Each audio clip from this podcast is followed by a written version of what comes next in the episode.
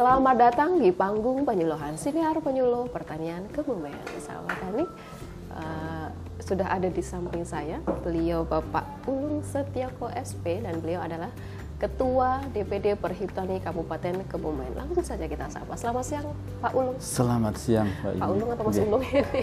Saya Semoga biasa panggil bisa. Mas Ulung. Okay. Boleh ya uh, Pak Ulung aja deh gitu biar terlihat lebih berwibawa. Iya, Oke, oke, oke. Pak Ulung.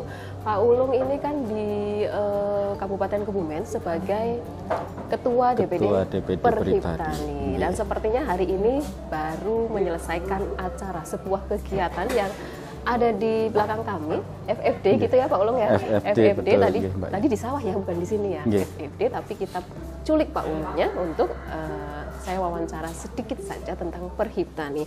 Ya jadi Pak Ulung hari ini habis ada kegiatan FFD, FFD, eh, iya.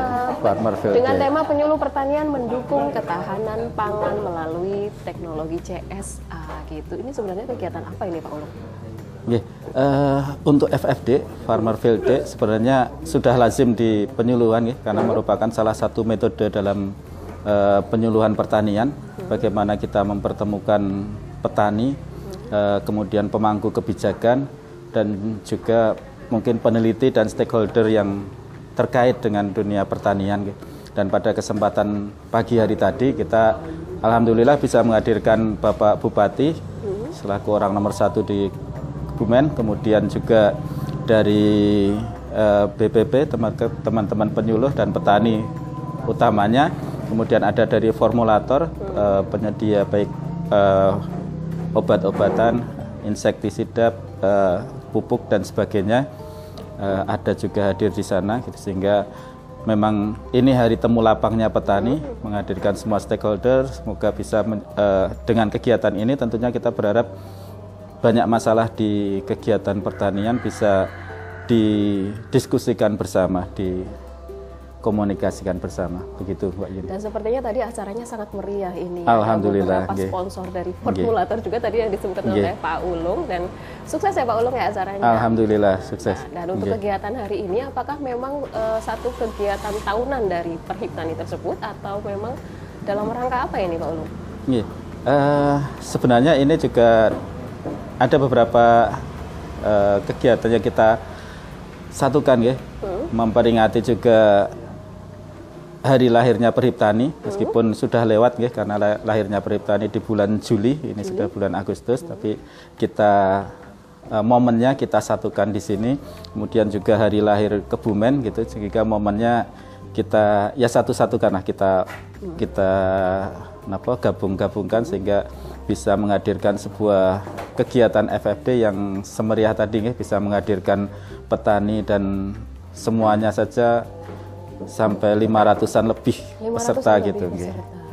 Luar biasa sekali dan tadi eh, saya sempat lihat itu jadi terlihat sekali itu menyatunya di, di antara tadi mungkin kan ada Bapak Bupati gitu Ah. Ya Bapak ada Pak Bupati, Bupati. dengan masyarakat petani kita itu terlihat sangat menyatu sekali. Ini menurut saya juga termasuk eh, sukses gitu acaranya dan ini tentunya diprakarsai oleh eh, Perhiptani gitu. Dan kalau saya lihat di belakang ini temanya adalah penyuluh pertanian mendukung ketahanan pangan melalui teknologi CSA. Teknologi ini ya kalau saya lihat di belakang sini di bannernya gitu dengan temanya yaitu penyuluh pertanian mendukung ketahanan pangan melalui teknologi CSA. Nah, dalam bentuk apa ini dukungannya atau gimana? Ini bisa dijelaskan sedikit Pak Ulung. Nggih, tentunya dari Perhitani yang anggotanya penyuluh pertanian dalam kegiatan penyuluhan, pendampingan terhadap petani dan sebagainya. Dengan apa pun eh, teknologi yang kita bawa tentunya membawa teknologi-teknologi yang sesuai untuk petani spesifik lokasi. Dan saat ini mungkin kita sedang melaksanakan kegiatan eh, CSA eh, petani cerdas iklim bagaimana petani bisa berbudidaya dengan lebih eh, smart, lebih cerdas, nggih, lebih pintar. Kemudian Oke, dengan teknologi CSA yang intinya adalah bagaimana petani lebih mendekat ke pertanian organik, penggunaan pupuk organik dan pertanian yang berkelanjutan. Nggih, intinya Jadi- itu mungkin. Jadi jelas gitu ya dengan adanya program eh, CSA tadi gitu yang Hmm. eh, uh, apa dalam bahasa sederhananya adalah pertanian cerdas iklim pertanian tentunya cerdas tidak iklim. akan lepas dari peran seorang penyuluh pertanian untuk mensukseskan juga uh, program tersebut. Baiklah Pak Ulu, untuk pertanyaan selanjutnya mungkin dari Perhiptani ini kan sebagai uh, sebuah organisasi profesi yang hmm. ada di uh, kalau kita di tingkat kabupaten gitu ya DPD gitu ya DPD. dan dengan diketuai oleh beliau Bapak Ulung dan kemudian sebenarnya peran atau posisinya kita itu uh, di mana sih Mas Ulung? Nih, Perhiptani sebagai sebuah organisasi profesi ya, hmm. tentunya uh, kita selalu mendukung kebijakan dan kegiatan yang dilaksanakan di uh, pemegang kebijakan tentang pertanian kalau di kabupaten ada dinas pertanian dan pangan gitu dan juga di pusat mungkin ada kementerian pertanian kita selalu mensinkronkan itu kemudian peran perhiptani adalah bagaimana kita uh, menjadi wadah bagi teman-teman penyuluh hmm. baik itu penyuluh ASN penyuluh swadaya penyuluh swasta sebenarnya kalau di ADART-nya hmm. perhiptani me, uh, memungkinkan itu bisa masuk suk sebagai anggota perhitani gitu ya. Bagaimana kegiatan-kegiatan penyuluhan bisa berlangsung dan ber apa yang terlaksana dengan sebaik-baiknya. Kemudian tidak ada ya, intinya bagaimana penyuluh pertanian bisa menyatu ya. Dari semua segmen yang tadi kami sampaikan bisa mendukung dan me, apa mempercepat terlaksananya kegiatan pembangunan pertanian di baik di tingkat kabupaten dan juga tingkat nasional.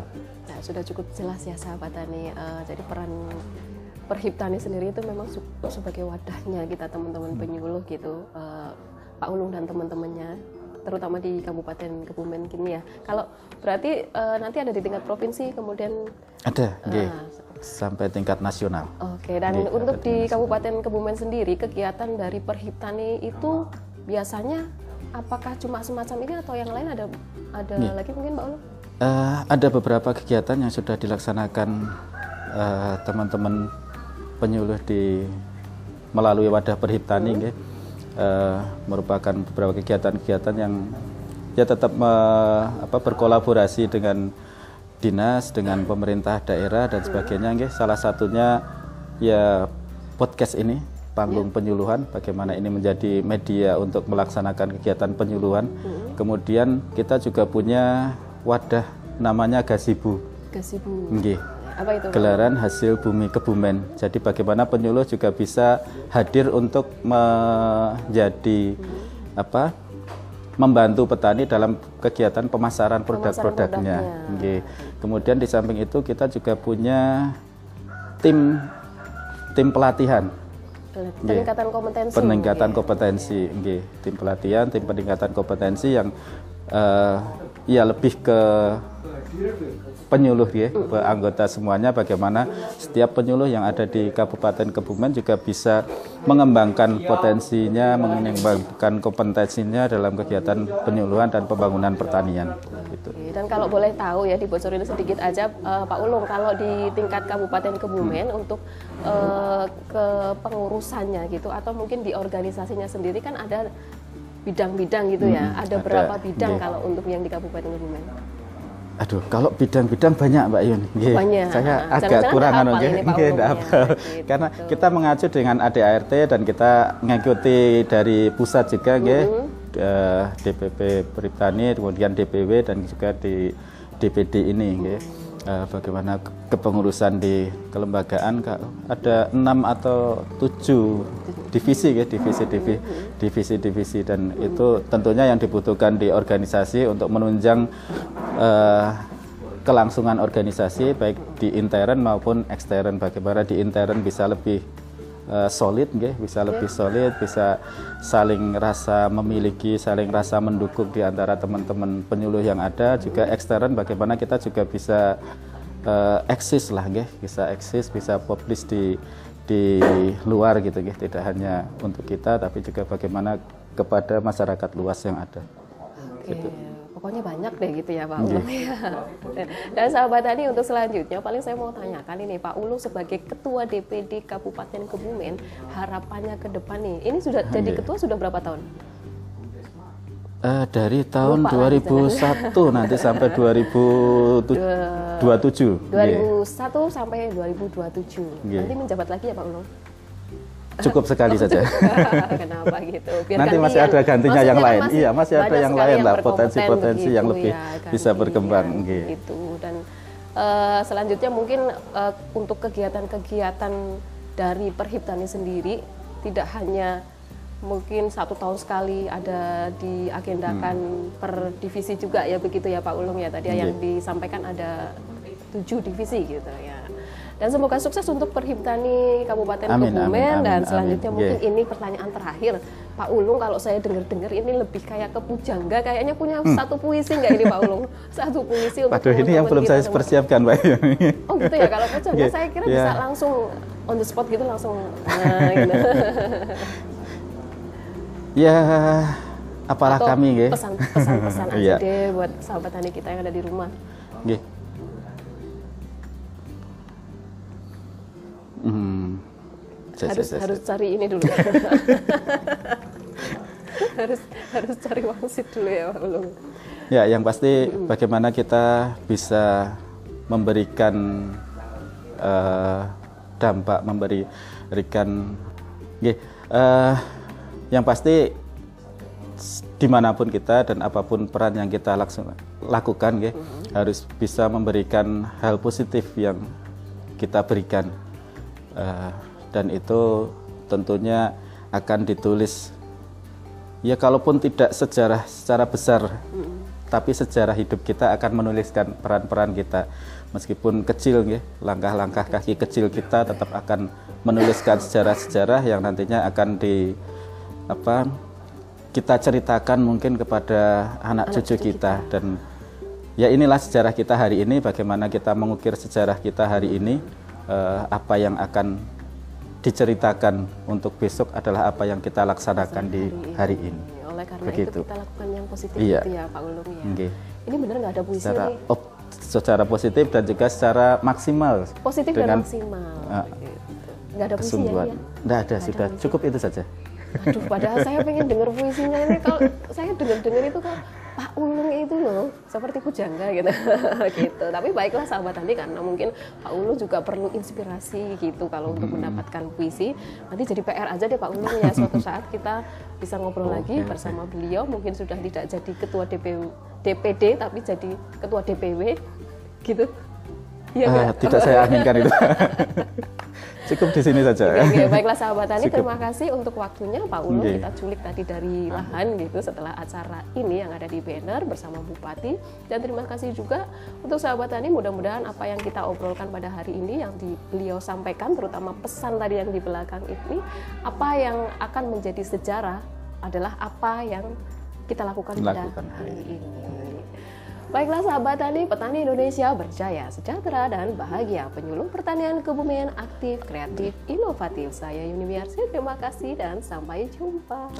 Terima kasih. Ada salam perhiptani nggak sih? Iya, iya, iya. Jadi mau anak-anak kayak anak puisi nanti nggak di, nggak dibaca. Terus nggak ada puisi rumah beli. Enggak enak. Pak Budi.